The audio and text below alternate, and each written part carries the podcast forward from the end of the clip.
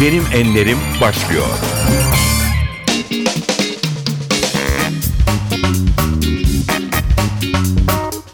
NTV Radyo'nun Benim Enlerim programına hoş geldiniz. Bugün stüdyomuzda Türkiye'nin önde gelen polisiye romanları yazarı Osman Aysu'yu ağırlıyoruz.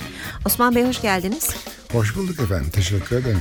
Programa başlarken sizinle ilgili ben ilk anımı anlatmak istiyorum. Çok kısa. Ee, biz kardeşimle beraber e, polisiye roman tutkunuyuz. Ve e, Stephen King'lerle Dean Kuntz'larla büyüdük tabir yerindeyse. Sonra günün birinde bir baktık Osman Aysu diye bir yazar var ve onun Havyar Operasyonu diye bir romanı var. Ne kadar sevindik. Bizim de artık bir polisiye yazarımız var dedik. O zamandan bu zamana çok yıllar geçti. Sizin de ilginç bir hikayeniz var. Geç başlamışsınız yazmaya ve sonrasında da e, çok kısa bir döneme çok fazla sayıda roman sığdırmışsınız. Üstelik de romanlarınızın çoğu çok satanlar arasına giriyor. Osman Aysu yazar olmadan önce ne yapardı diye soralım. Efendim ben aslında e, meslek olarak hukukçuluğu seçtim. İstanbul'da doğmuş mütevazi bir ailenin çocuğuydum. Hukuk fakültesini bitirdikten sonra 6-6,5 sene kadar avukatlık yaptım. Çok iyi bir hukukçuydum ama çok kötü bir avukat oldum. Ve e, mesleği terk ettim. Hı hı. Bu tabii e, hemen hemen e, her kuruluşta karşılaştığım bir sual. Yani yazarlığa 55 yaşına başladığıma göre ki ömrünüzün o kısmını nasıl geçirdiniz evet, gibi evet, evet. diye. Efendim ben de hep şu cevabı verdim. Yazarlıkta hamle yapabilmek için bir eğitim gerekiyordu ve o eğitimi kazanmak için bol bol okudum. Bir dönem var hayatınızda 14 yıllık bir dönem yanılmıyorsam yazarlığa hazırlık dönemi diyebilir miyiz? evet evet öyle değil. e, çünkü takdir ederseniz ben casusluk romanları yazdım. Evet, evet. İşte böyle bir roman yazmaya nasıl alışılıyorsa, nasıl bir eğitimi gerektiriyorsa ben de o eğitimi aldım. Neler yaptınız? Nasıl bir eğitimden bahsediyoruz? Çok okumak mı? Araştırmak mı? Vallahi Gezmek tahmin, mi? tahmin ediyorum ki bu sualler ve cevaplar biraz tebessümle karşılandığına göre daha fazla kurcalamayalım. Öyle mi? On haklısın. Ama şu var, e, söylediğinizde haklısınız. 55 yaşından sonraydı galiba. Evet, e, o yaşlardan sonra başladım. Tabii yazmak için çok geç bir zaman. Fakat buna karşılık 20 yıllık bir süre içinde hı hı. 84 kitap basılmış. Ve ben şu anda Türkiye'nin yaşayan en fazla kitap yazan adamıymışım. Evet, evet. Ben bunu tesadüfen e, Radikal Gazetesi'nin bir hakkında yazdığı bir e, çalışma, hı hı. bir yazı sonunda öğrendim. Benden daha fazla yazan var. Fakat o iki kişi de vefat etmiş. Bu sayıya ulaşmak için e, çok ciddi anlamda her gün saatlerce yazı yazmak gerekiyor. Sizin de böyle bir disiplininiz var sanıyorum. Doğrudur. Çünkü ben günde ortalama e, 7-8 saat yazı yazıyorum. Her sabah 5'te kalkarım. Bu belki kimisi için kötü bir alışkanlık ama benim için alışılagelmiş rutin bir yaşam. Ve geceleyin saat 1'den evvel işte yarımla bir arası yatağa girerim. Her yatağa girdiğimde de ancak 15-20 dakika kadar okuyorum.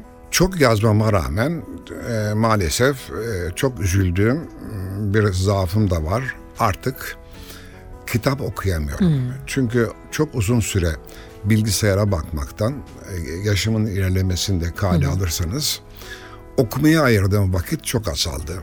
Gözlerim isyan ediyor. Halbuki en az yazmak kadar okumaktan da zevk alan bir insandım. Bütün gençliğim, çocukluğum, olgun adettiğim dönem hı hı, hı. okuyarak geçti. Zaten bu bir bence bir ön şarttır. Hangi yazar olursa olsun okunmadan yazılmaz. Hı hı hı. Ama artık e, iflas etmiş durumdayım. Yani bu yaşınıza kadar da yeterince okumuşsunuz. E, öyle öyle saymak lazım. Peki Osman Bey şimdi bir müzik arası vereceğiz. Ee, çok ince bir müzik zevkiniz olduğunu biliyoruz. Güzel dönemlerden e, kalan güzel şarkılarla geldiniz bugün. E, hangi şarkıyla başlayalım? Şayet bana bu imkanı tanıyacaksanız mesela Nat King Cole'un Nature Boy'unu dinleyelim önce. Seve seve. There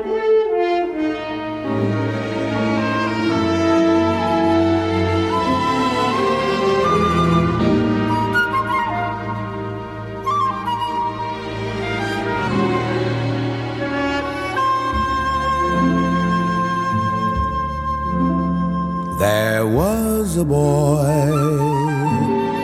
a very strange, enchanted boy. They say he wandered very far, very far over land and sea. A little shy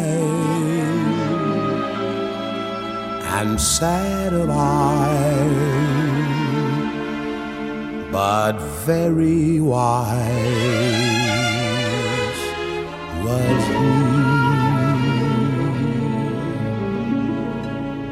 And then one day, a magic day, he passed my way.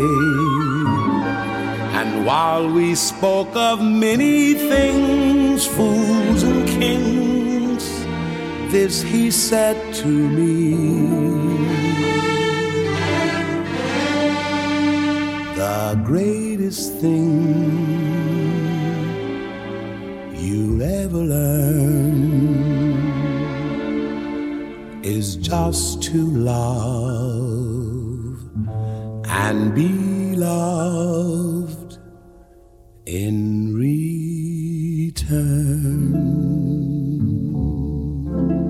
NTV Radyo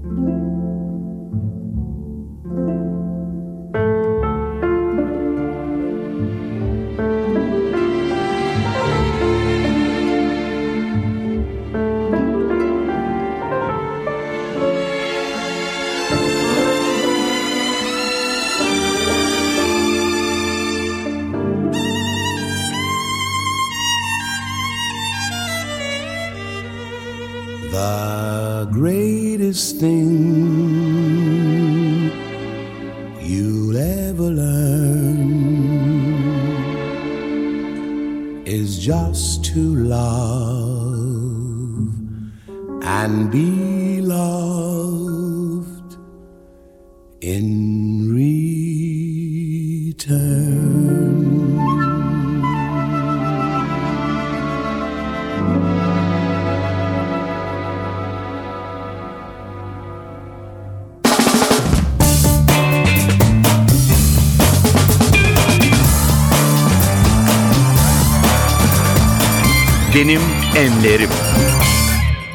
Polisiye romanları yazarı Osman Aysu bugün benim enlerimde konuğumuz. Osman Bey 50'li yaşlarınızda yazmaya başlayıp 80'i aşkın romana imza attınız. Biz polisiye roman tutkunları yıllarca Batı e, edebiyatından beslendik.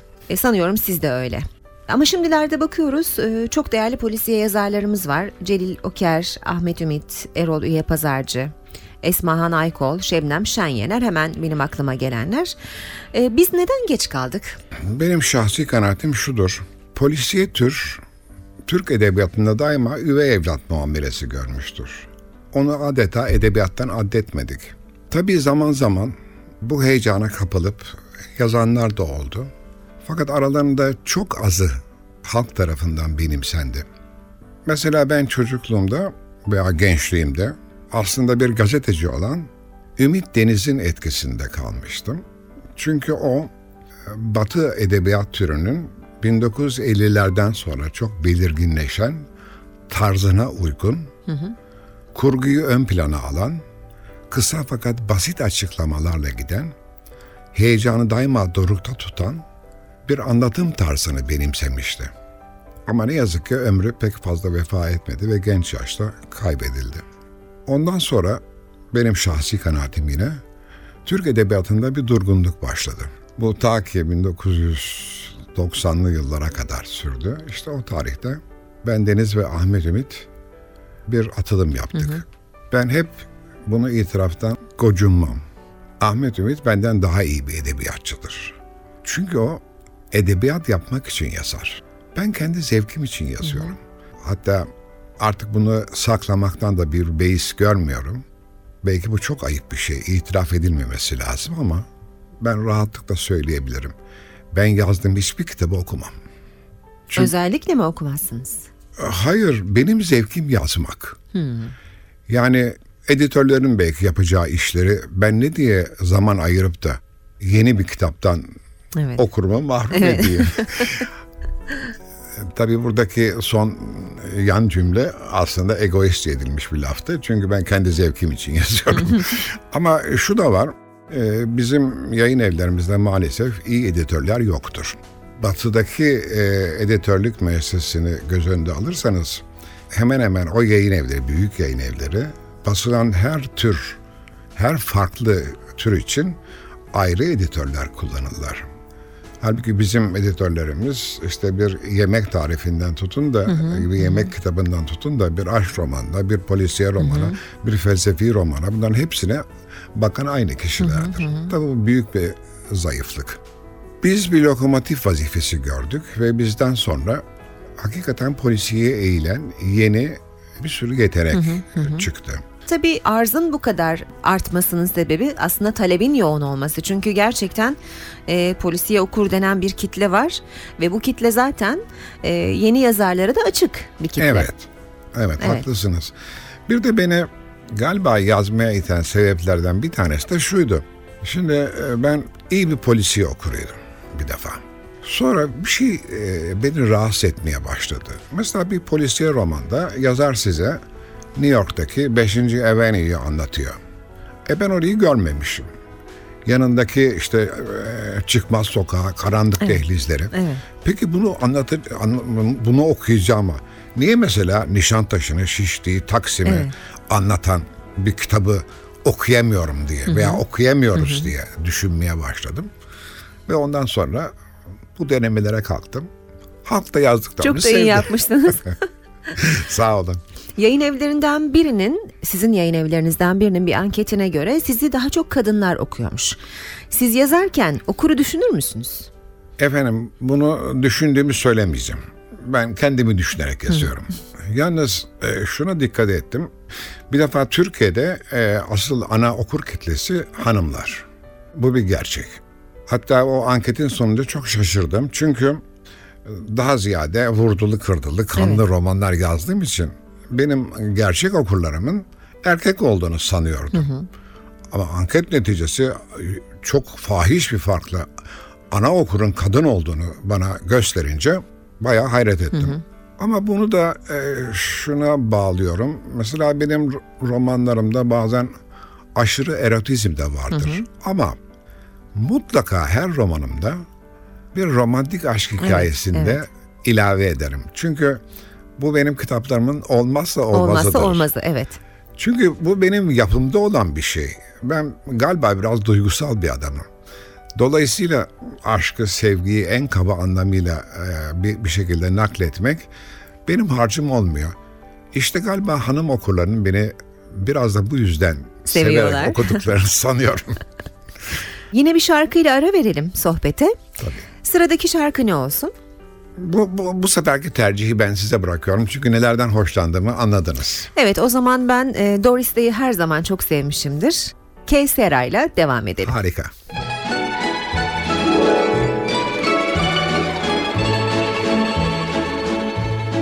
When I was just a little girl, I asked my mother, What will I be? Will I be pretty? Will I rich? Here's what she said to me. Que sera, sera. Whatever will be, will be. The future's not ours to see. Que sera, sera. What will be, will be. NTV Radyo When I grew up and fell in love, I asked my sweetheart what lies ahead. Will we have rainbows day after day? Here's what my sweetheart said. Que sera, sera. Whatever will be, will be. The future's not ours to see. Que sera, sera. What will be, will be. Now I have children of my own. They ask their mother, What will I be? Will I be handsome? Will I be rich? I tell them tenderly. Que será, será. Whatever will be, will be. The future's not ours to see. Que será? Sera. What will be, will be. Que sera, sera.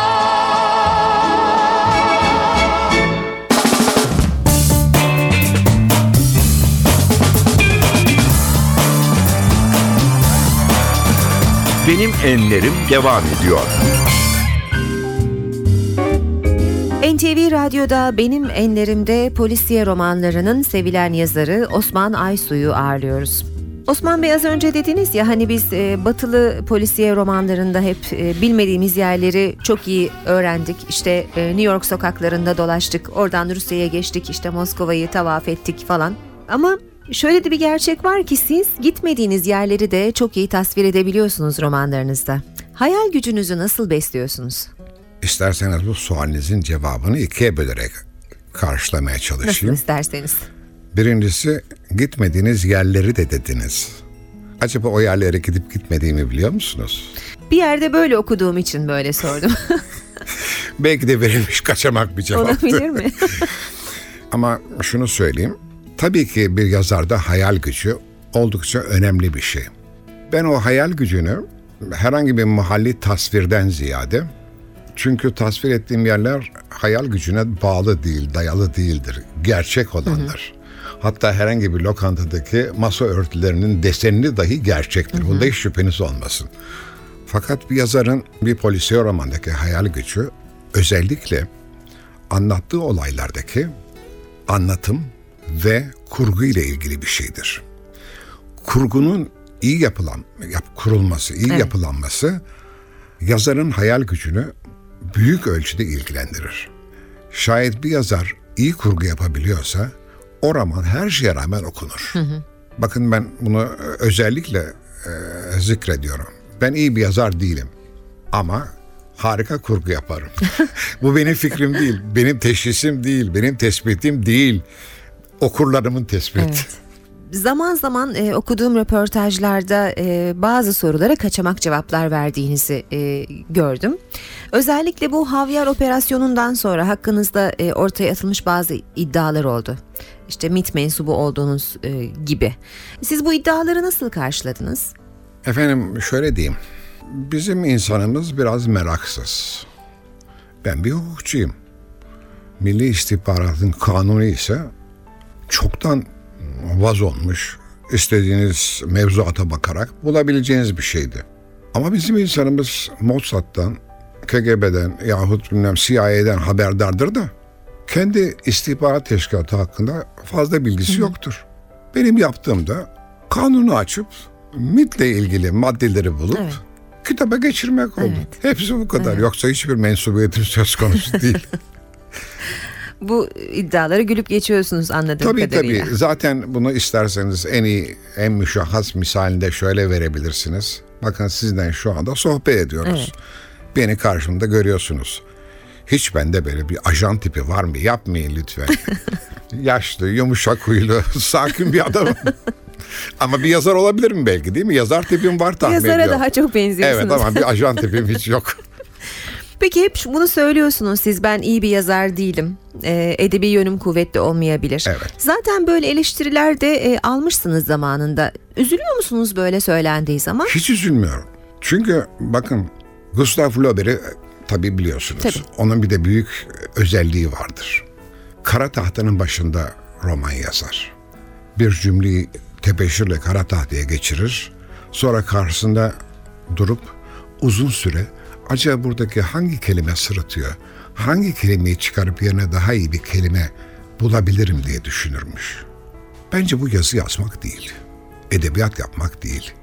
Edebiyat belki bir yetenek işi. Hani onu fazla ısrar, üzerinde fazla ısrar edecek değilim. Ama asıl olan, benim için asıl olan yazdığınızı okura rahat okutabilmektir.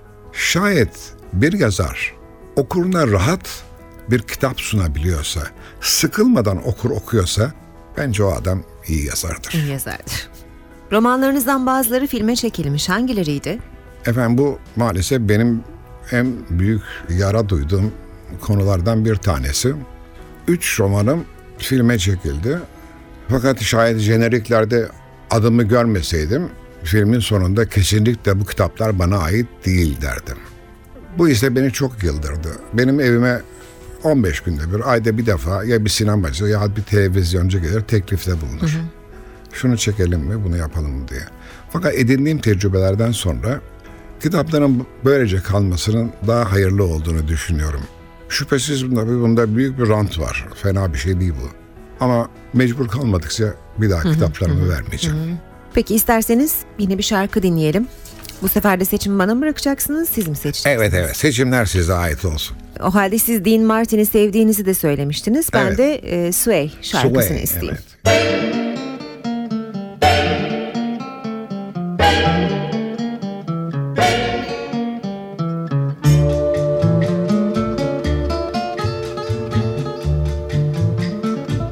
When marimba rhythms start to play, dance with me, make me sway. Like the lazy ocean hugs the shore, hold me close, sway me more. Like a flower bending in the breeze, bend with me, sway with ease. When we dance, you have a way with me. Stay with me, sway with me. Other dancers may be on the floor, dear, but my eyes will see only you. Only you have the magic technique. When we sway, I grow weak.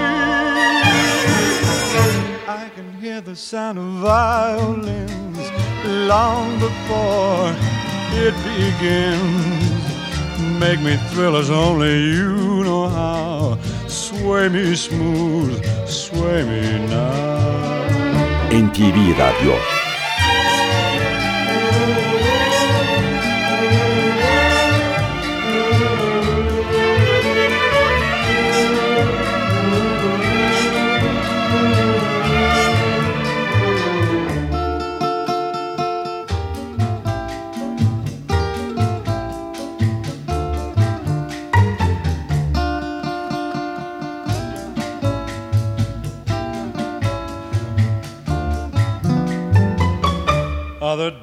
dancers may be on the floor, dear, but my eyes will see only you. Only you have the magic technique. When we sway, I grow weak. I can hear the sound of violins long before it begins. Make me thrill as only you know how. Sway me smooth, sway me now. Sway me now. You know how. Sway me smooth, sway me now.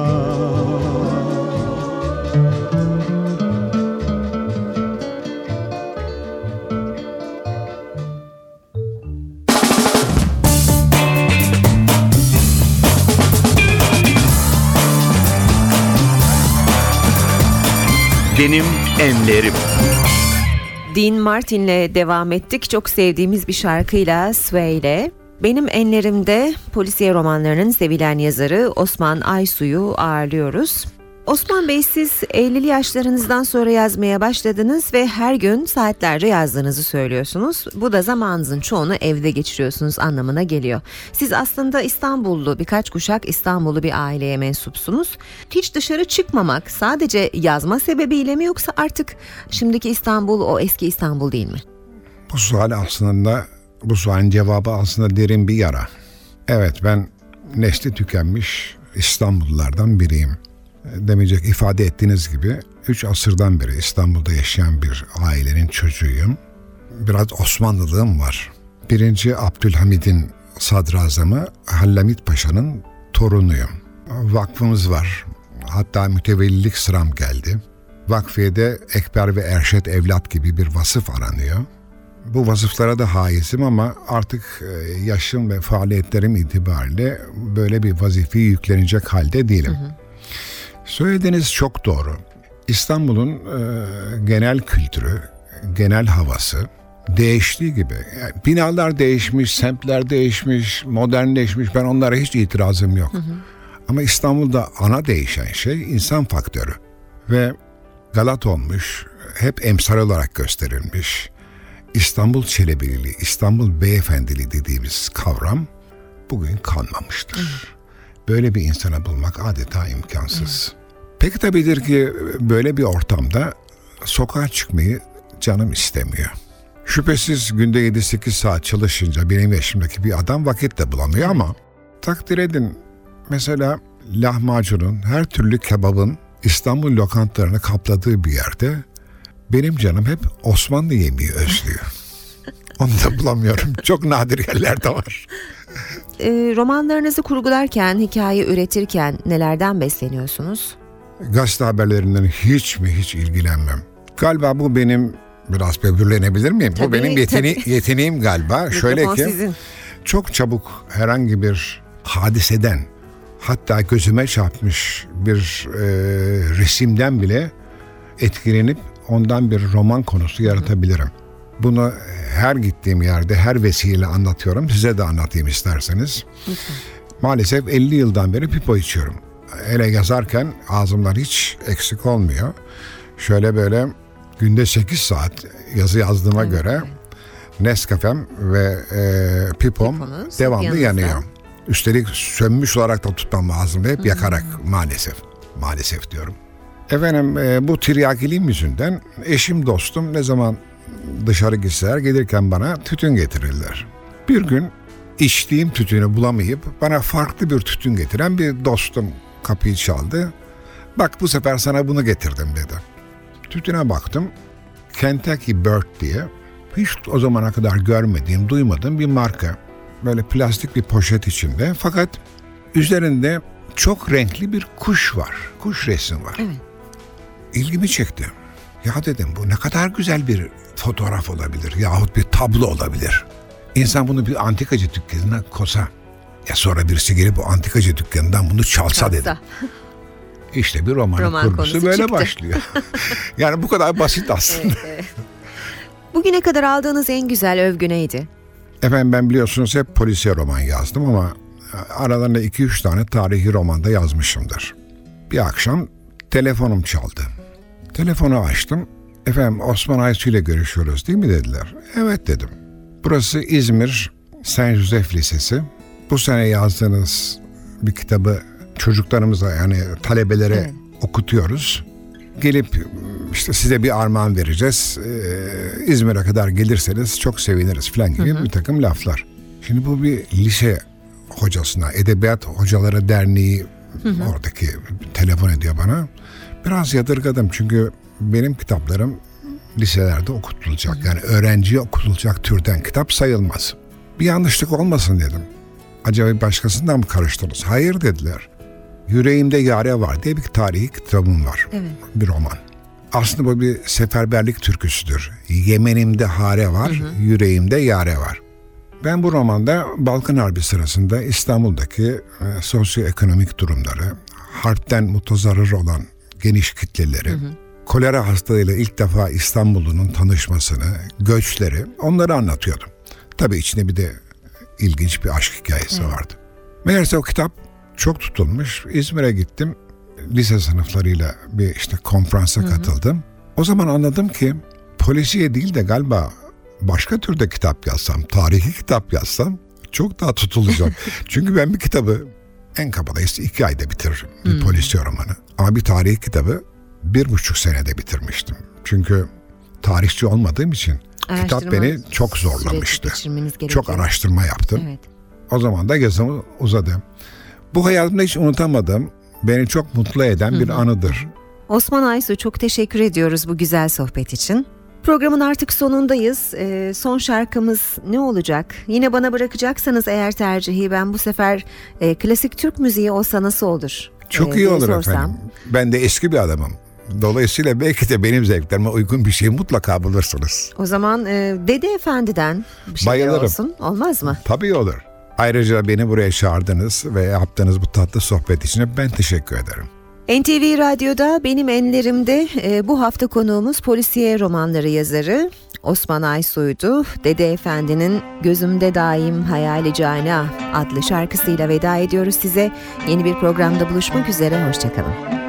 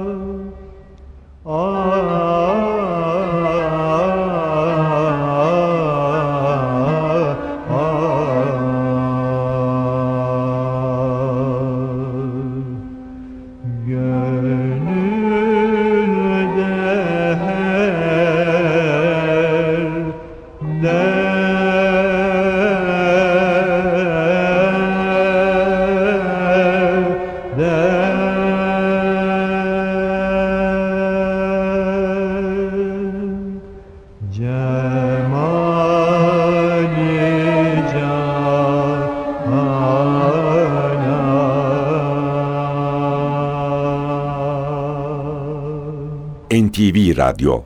Hey canım. Hey